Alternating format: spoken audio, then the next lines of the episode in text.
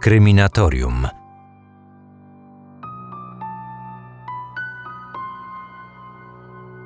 Milionerzy. Ten format został stworzony przez Brytyjczyków i od czasu swojej premiery w roku 98 zagościł na ekranach telewizorów w ponad 100 krajach świata. Zasady teleturnieju są, poza niewielkimi wyjątkami, niezmienne i bardzo dobrze znane.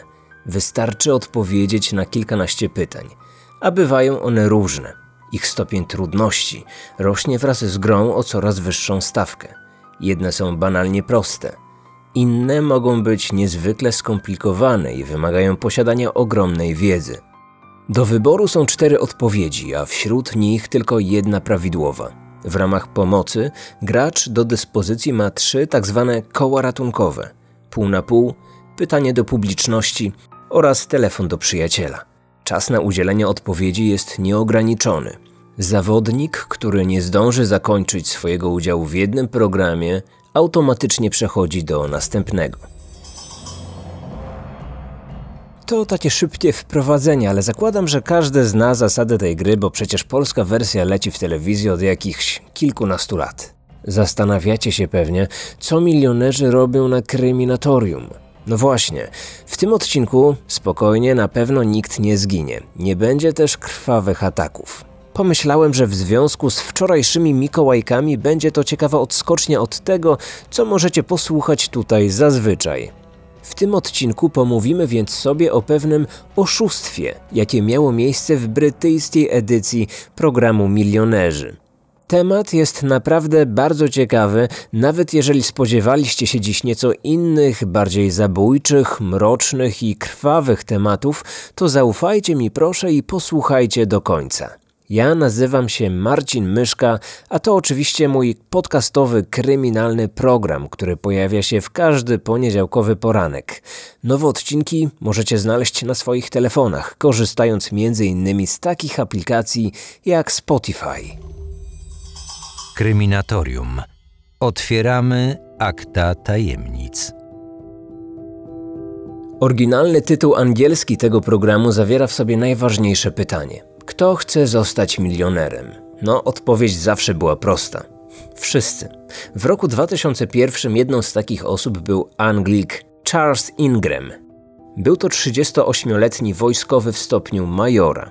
On sam za teleturniejami specjalnie nie przepadał, ale uwielbiała je jego żona, Diane. I to właśnie ona zgłosiła Charlesa do brytyjskich milionerów. Kobieta wcześniej sama wzięła w nich udział, a nawet udało jej się wygrać 32 tysiące funtów. Najpierw do startu namówiła swojego brata, wiecznie tonącego w długach Adriana, który do domu wrócił z identyczną wygraną. Następny miał być właśnie Charles. Kłopoty finansowe, w jakich znalazła się ta rodzina, sprawiły, że potrzebowali oni znacznie wyższej wygranej. Wiedza Charlesa z najróżniejszych dziedzin życia i nauki mogła się okazać, mówiąc dość delikatnie, niewystarczająca. Dlatego bardziej liczył on na szczęście. Twardo stąpająca po ziemi Diane nie zamierzała jednak pozostawiać wszystkiego ślepemu losowi. Postanowiła temu szczęściu pomóc i to za wszelką cenę.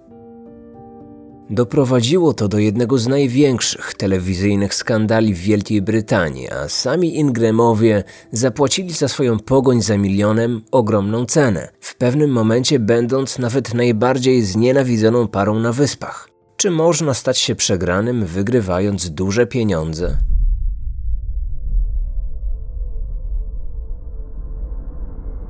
Charles kwalifikuje się do programu we wrześniu 2001 roku. Doskonale wie, że oprócz wiedzy i szczęścia potrzebować będzie jeszcze szybkości. Aby usiąść na krześle naprzeciw prowadzącego, musi przejść przez rundę eliminacyjną, zwaną Kto pierwszy, ten lepszy, gdzie wytypowani wcześniej gracze układają cztery odpowiedzi w poprawnej kolejności. Tu liczy się czas, bo tylko najszybszy przechodzi dalej. Zresztą ten sam sposób rozgrywki możemy oglądać także w polskiej wersji programu. Wcześniej, korzystając ze wskazówek żony i jej brata, buduje w domu specjalną maszynę do szybkiego zaznaczania odpowiedzi. Trenuje codziennie, a jego wysiłki się opłacają. 9 września pokonuje w telewizyjnym studiu swoich konkurentów z czasem poniżej 4 sekund. Droga do miliona jest teraz przed nim otwarta. Światła gasną, widzowie biją brawo. Na widowni jest również jego żona i brat. Prowadzący program, Chris Terrent, zaprasza Charlesa do zajęcia miejsca dla gracza. 15 pytań, trzy koła ratunkowe. Podasz mi prawidłowe odpowiedzi na wszystkie pytania, wygrasz milion. Zagrajmy więc. A oto pierwsze pytanie za 100 funtów. Gracz nie ma z nim problemu, podobnie jak z czterema następnymi. Szybko osiąga 1000 funtów, czyli sumę gwarantowaną, którą zabierze do domu nawet jeśli przegra. Ale on nie zamierza przegrać. Nie po to tutaj przyjechał.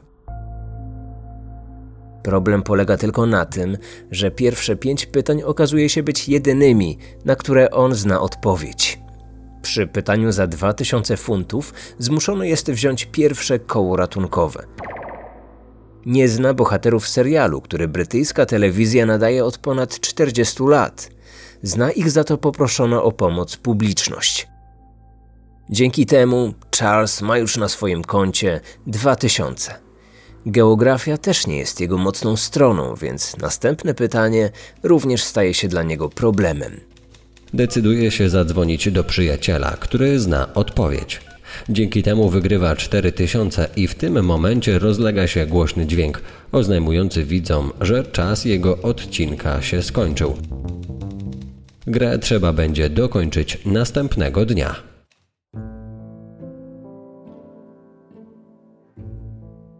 Idzie mu ciężko, z czego Charles doskonale zdaje sobie sprawę. Wykorzystał już dwa z trzech kół ratunkowych i to na stosunkowo łatwych pytaniach. Zarówno on, jak i jego żona wiedzą, że łatwiej już nie będzie. Potrzebna jest nowa strategia, prosta i skuteczna.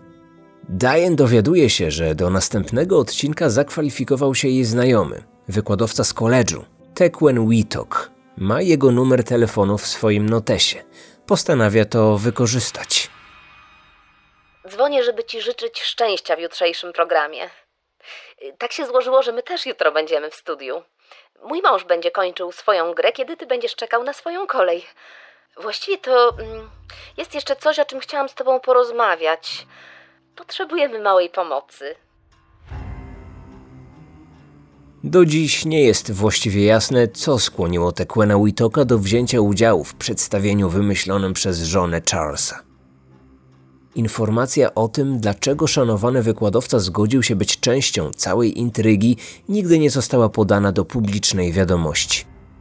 Może Tekwen był winny kobiecie jakąś przysługę i jako człowiek honorowy chciał się z tego wywiązać. A może po prostu, co bardziej prawdopodobne, obiecano mu procentowy udział z potencjalnej wygranej. Trudno to dziś ustalić. Nie zmienia to jednak faktu, że od tego momentu stał się trzecim aktorem nadchodzącego teatru. Najważniejszym, bo miał do odegrania główną rolę. Organizatorzy byli zgodni w ocenie Charlesa, o czym bez skrępowania mówi kierowniczka planu. On nie jest typem wybitnego zawodnika. To niesamowicie nudny gracz. Nie ma w nim tej iskry, która może przyciągnąć widzów przed telewizory. A poza tym nie za dobrze sobie radzi i na pewno szybko przegra. Angielski major nie zamierza się jednak poddać zbyt łatwo. Tym bardziej, że miał teraz nowego sojusznika i nową strategię. Plan był prosty. Tekwen będzie sygnalizował prawidłową odpowiedź. Ale jak to zrobić, by ani prowadzący, ani ekipa programu nie wykryły tego i nie przerwały gry? Wybrano najprostszy i ich zdaniem najmniej podejrzany sposób. Uzgodniono, że Charles przy każdym pytaniu będzie się zastanawiał, wymieniając głośno każdą z odpowiedzi. To wydawałoby się dosyć naturalne, prawda? Gdy wymówi prawidłową, Tekwen kaszlnie. Diane zaproponowała, aby nie dążyć do zdobycia głównej nagrody. Charles miał wygrać tyle, aby wystarczyło na pokrycie ich długów i małe co nieco na przyszłość. To będzie ryzykowne. Wczoraj byłeś słaby. Ledwo odpowiedziałeś na najprostsze pytania. Gdybyś dziś wygrał milion, wszyscy będą później uważnie analizować Twoją grę. Wystarczy nam 125 tysięcy. Wielu ludzi wygrywa taką kwotę. Odbierzesz czek i nikt nie będzie niczego podejrzewał. Mężczyzna zgodził się. Gdy o umówionej porze kamery zostały włączone, prowadzący Chris Terrent wprowadził go do studia. Masz 4000. Zostało ci 8 pytań do miliona i jeszcze jedno koło ratunkowe, pół na pół. Jeśli jesteś gotowy, to zagrajmy. Był gotowy jak jeszcze nigdy wcześniej. Zapytany przez prowadzącego przed programem, czy ma jakąś nową strategię, odpowiedział ze szczerością godną wojskowego oficera. Tak, mam. Poprzednio byłem zbyt ostrożny. Bałem się zaznaczyć odpowiedzi, które przecież znałem. Dziś zamierzam więc kontratakować. Mam na myśli, że będę więcej ryzykował. Przecież to tylko gra, czyż nie? Ale dla tego małżeństwa nie była to tylko gra, o czym wkrótce miał się przekonać cały kraj. Pierwsze pytanie po przerwie za 8 tysięcy. Kto był drugim mężem Jacqueline Kennedy? A. Adnan Khashoggi B. Ronald Reagan C.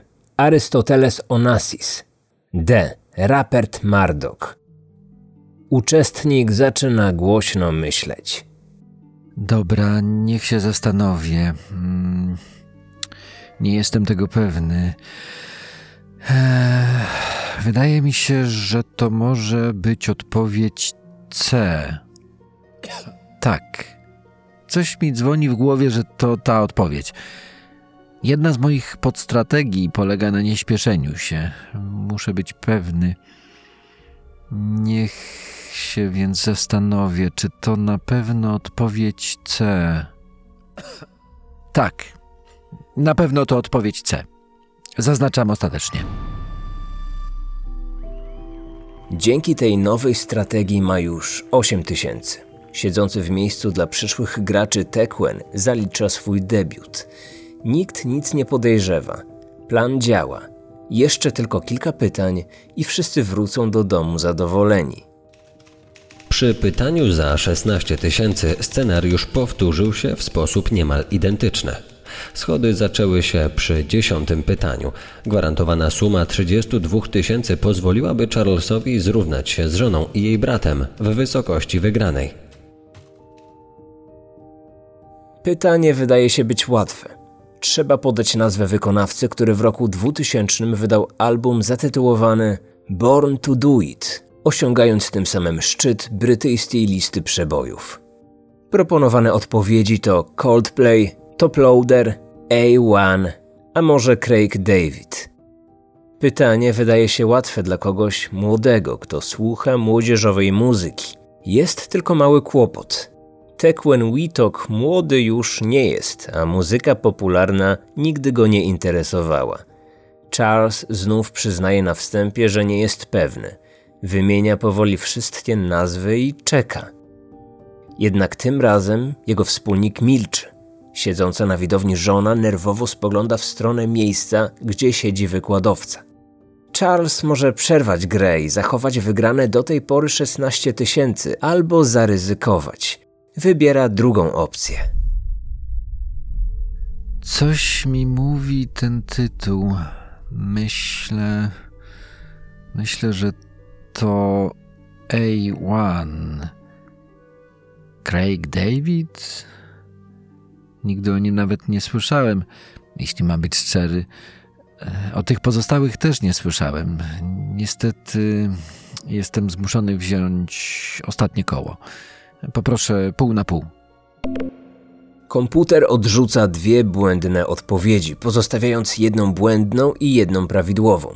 Charles ma do wyboru A1 i Craiga Davida. Oddycha z ulgą. Wydaje mu się, że zna odpowiedź i prosi o zaznaczenie A1. Diane wie, że jej mąż się myli. Kamery w studiu rejestrują, jak z zaciśniętymi zębami zerka na Tequena.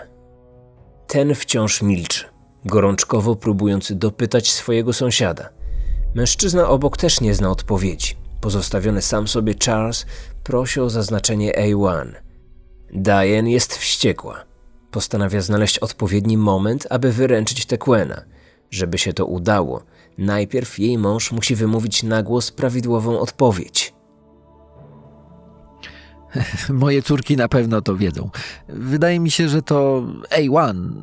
Myślę, że to prawidłowa odpowiedź. Tak, na pewno. Poproszę o zaznaczenie. Pamiętaj, że w każdej chwili możesz odejść z tym, co już wygrałeś. Jeśli odpowiesz źle, wygrasz gwarantowany tysiąc, czyli stracisz 15 tysięcy. Czy twoja odpowiedź jest ostateczna? Nie, daj mi jeszcze chwilkę. A1 czy Craig David? Udało się. Charles wymawia prawidłową odpowiedź. Diane robi to, co musi, a czego nie jest w stanie zrobić Tequen. Okazuje się jednak, że Charles nie słyszy jej podpowiedzi. Dobra, zaznaczam A1. Nie słyszałem o tym drugim i to na pewno nie on. Ale tak z drugiej strony 80% moich pierwszych myśli, gdy zgaduję, jest zazwyczaj błędne, więc zaznaczam Craig David. Tak, strzelam, że to on. Okej, pozwól mi zrozumieć twoją logikę. Wziąłeś pół na pół, bo nie znałeś odpowiedzi. Później odrzuciłeś Craiga Davida, bo nigdy o nim nie słyszałeś. Jednak uznałeś, że skoro większość twoich pierwszych strzałów jest zła, to wybrałeś właśnie jego, bo jak twierdzisz, nigdy o nim nie słyszałeś. Doprawdy trudno nadążyć za twoją podstrategią. Nie wiem jak to zrobiłeś, ale wygrałeś 32 tysiące. W tym momencie Diane odetchnęła z ulgą. Do umówionego celu pozostały im jeszcze dwa pytania. Zupełnie nie zdawała sobie sprawy, że to dziwne zachowanie Charlesa i jego nagła zmiana decyzji obudziła czujność ludzi odpowiedzialnych za nagranie. Od tego momentu postanowili się uważniej przyglądać temu zawodnikowi, który choć nie zna żadnych odpowiedzi, poprawnie je wskazuje. A co najdziwniejsze, sam przyznaje, że są to jedynie strzały w ciemno. W kolejnych rundach Charles zaczyna czuć się coraz pewniej. Za każdym razem, gdy prowadzący kończy czytać pytanie, major stwierdza z rozbrajającą szczerością, że nie zna odpowiedzi. Staje się także coraz mniej ostrożny. Wymienia wszystkie odpowiedzi po dwa razy, zmuszając tym samym Tequena do podwójnego potwierdzenia kaszlem. Co więcej, zmienia też długość przerwy pomiędzy usłyszanym kaszlnięciem, a zmianą zdania i wskazaniem poprawnej odpowiedzi. Ekipa techniczna już wie, że coś tu się nie klei. Domyśla się tego również kierowniczka planu. Widzicie to? Widać jak na dłoni, że gość oszukuje. Ktoś mu podpowiada i dlatego zmienia zdanie w ostatniej chwili. Tylko jak? Kto mu pomaga? Znajdźcie coś, żeby to wykazać. Musimy natychmiast przerwać program. Jednak producenci decydują się na kontynuowanie tej farsy. Chcą dać sobie czas, aby znaleźć strategię Charlesa i w ten sposób zauważyć, w jaki sposób oszukuje. Choć nie mają żadnych dowodów, a jedynie swoje domysły, są pewni, że na ich oczach właśnie rozgrywa się jakaś wielka intryga. Tymczasem Charles dochodzi do dwunastego pytania za 125 tysięcy, na które odpowiada, podobnie jak na poprzednie, tuż po tym jak usłyszy odgłos kaszlu przy jednej z odpowiedzi. Ma już to, po co przyjechali. Diane uśmiecha się od ucha do ucha. Za chwilę jej mąż zrezygnuje z dalszej gry. Wrócą do domu. Ich długi zostaną w końcu spłacone. Jednak ku jej zaskoczeniu Charles po usłyszeniu pytania za 250 tysięcy decyduje się pozostać w grze. Czuje, że może zostać bohaterem oraz milionerem jest na dobrej drodze, bo kolejny raz odpowiada poprawnie.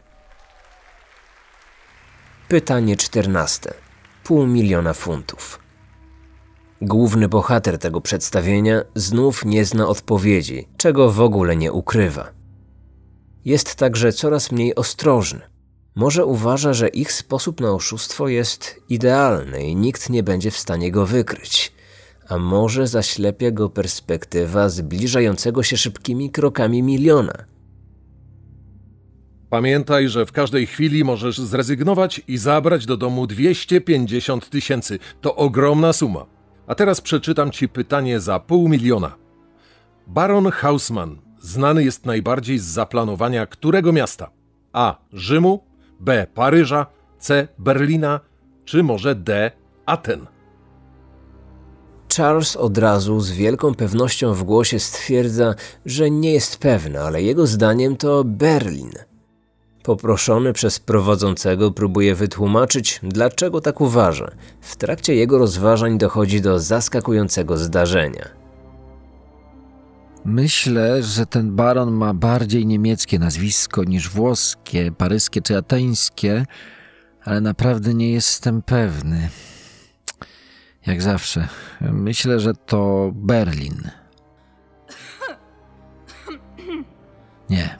Mm, myślę, że to nie jest Paryż. Na pewno nie Ateny i nie Rzym. Myślałem, że Berlin, ale to może być też Paryż. Raczej jednak Berlin, ale może Paryż. I chyba myślę, że to będzie Paryż. Tak zagram. Prowadzący zdumiony takim sposobem dedukcji zatrzymuje Charlesa na chwilę po raz kolejny przypominając, że jeszcze może się wycofać i zabrać ze sobą ćwierć miliona funtów. Ingram nie daje się już jednak powstrzymać i prosi o ostateczne zaznaczenie odpowiedzi B, czyli Paryż. Byłeś przekonany, że to Berlin. Mówiłeś Berlin, Berlin, Berlin i nagle zmieniłeś zdanie na Paryż. To przyniosło ci pół miliona funtów. Brawo! Jesteś niesamowity.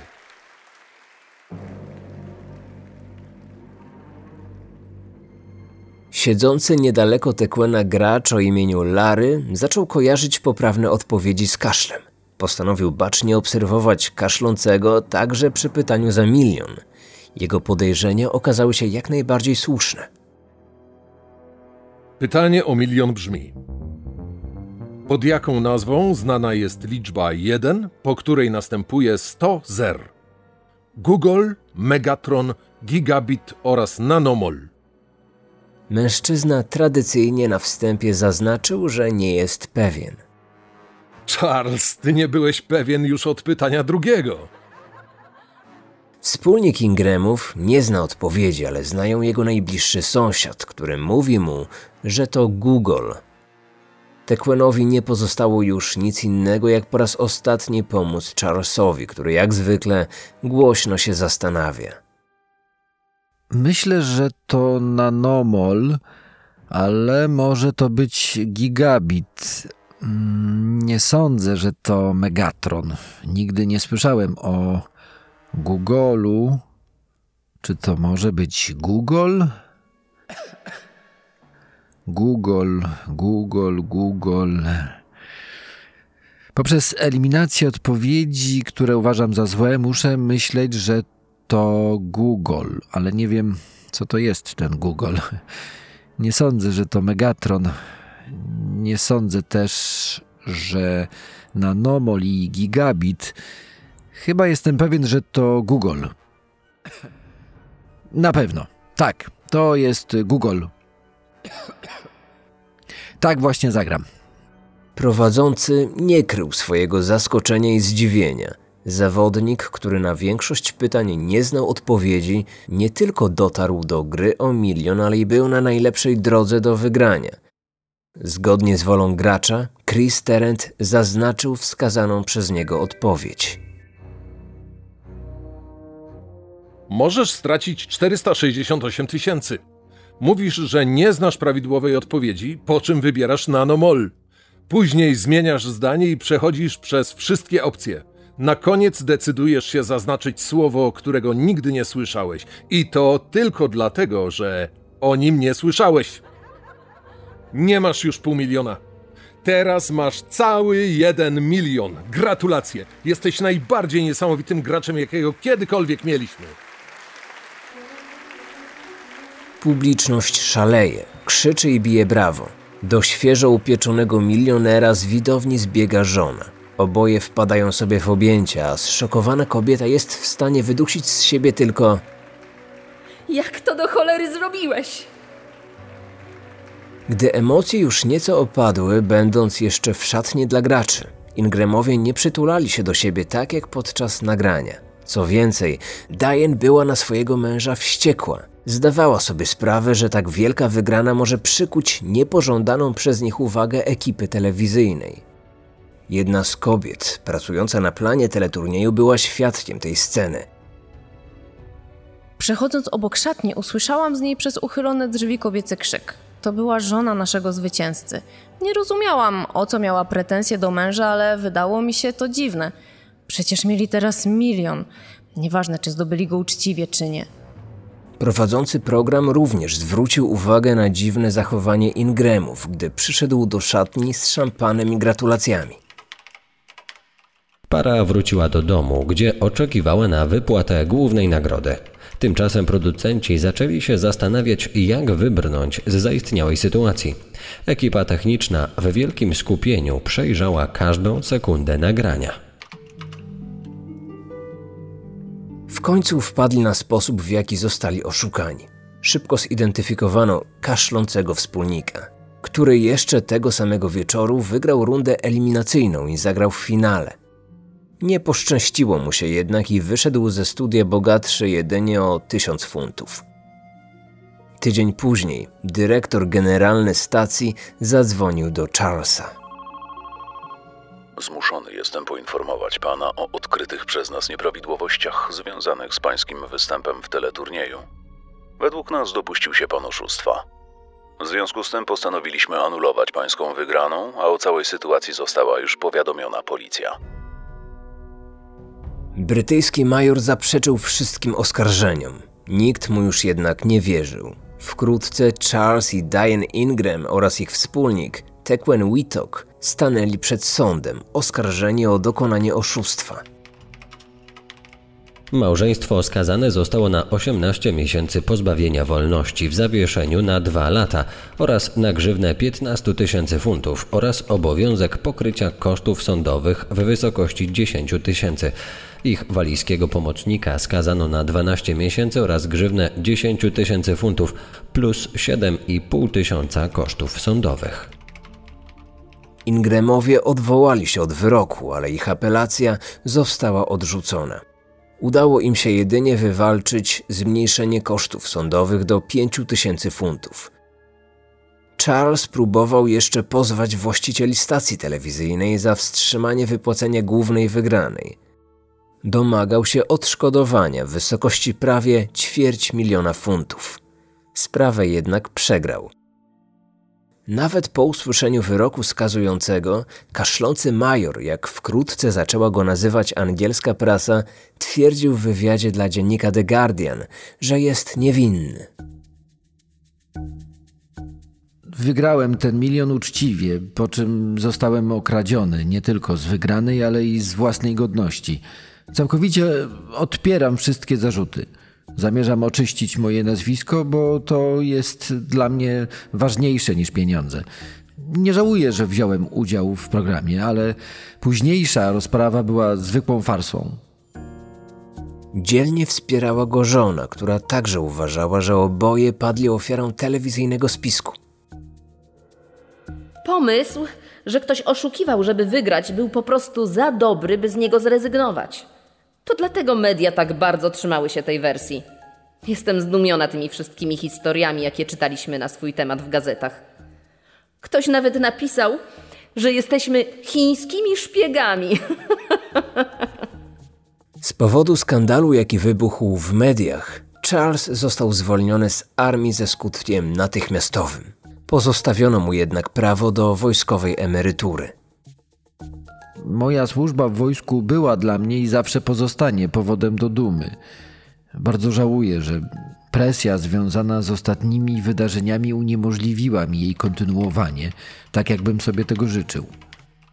Brytyjskie dzienniki nie pozostawiły na nich suchej nitki. Małżeństwo wkrótce stało się najbardziej znienawidzoną parą na wyspach. Ludzie nie mogli im wybaczyć oszustwa w ich ulubionym teleturnieju. Rozpętała się prawdziwa kampania nienawiści skierowana w ich stronę.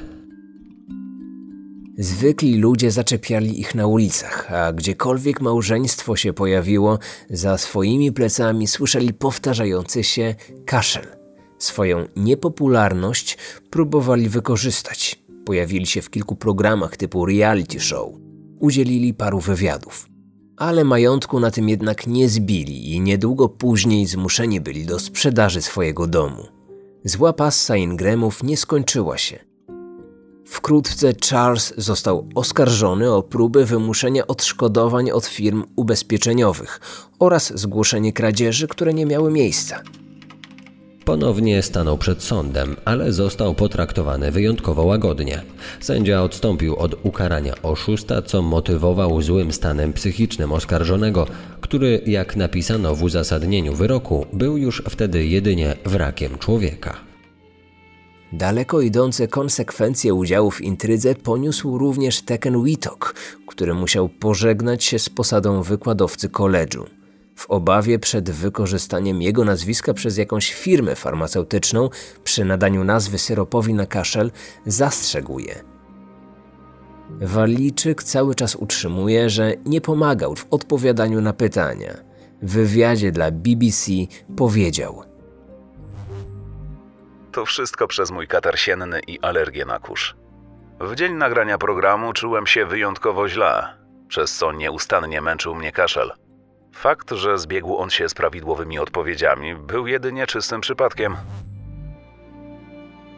W tym roku minęło 19 lat od jednego z największych skandali w brytyjskich mediach. I gdy wydawało się, że już echa tej sprawy nieco przygasły, telewizja HBO wyprodukowała i wyemitowała trzyodcinkowy serial zatytułowany Quiz, przedstawiający kulisy udziału Charlesa Ingrama w słynnym teleturnieju. Choć produkcja utrzymana jest w dość luźnym tonie, miejscami skręcając nawet nieśmiało w stronę lekkiej komedii, o Ingramach znów zrobiło się głośno. Taki obrót sprawy nie spodobał się Diane. To strasznie smutne, że żyjemy w społeczeństwie, w którym sława jest tak ważna. Nie jestem fanką mediów, zwłaszcza tych, które przedstawiają mnie i moją rodzinę w tak krzywdzącym świetle. Nic nie mogę jednak z tym zrobić. Dużo więcej humoru wykazał Charles, który po premierze napisał na Twitterze. Obsada, fabuła, sceny po prostu genialne, przerażająco dokładne. O, i tak okropnie żałosne. Jestem przepełniony czystym talentem tej produkcji.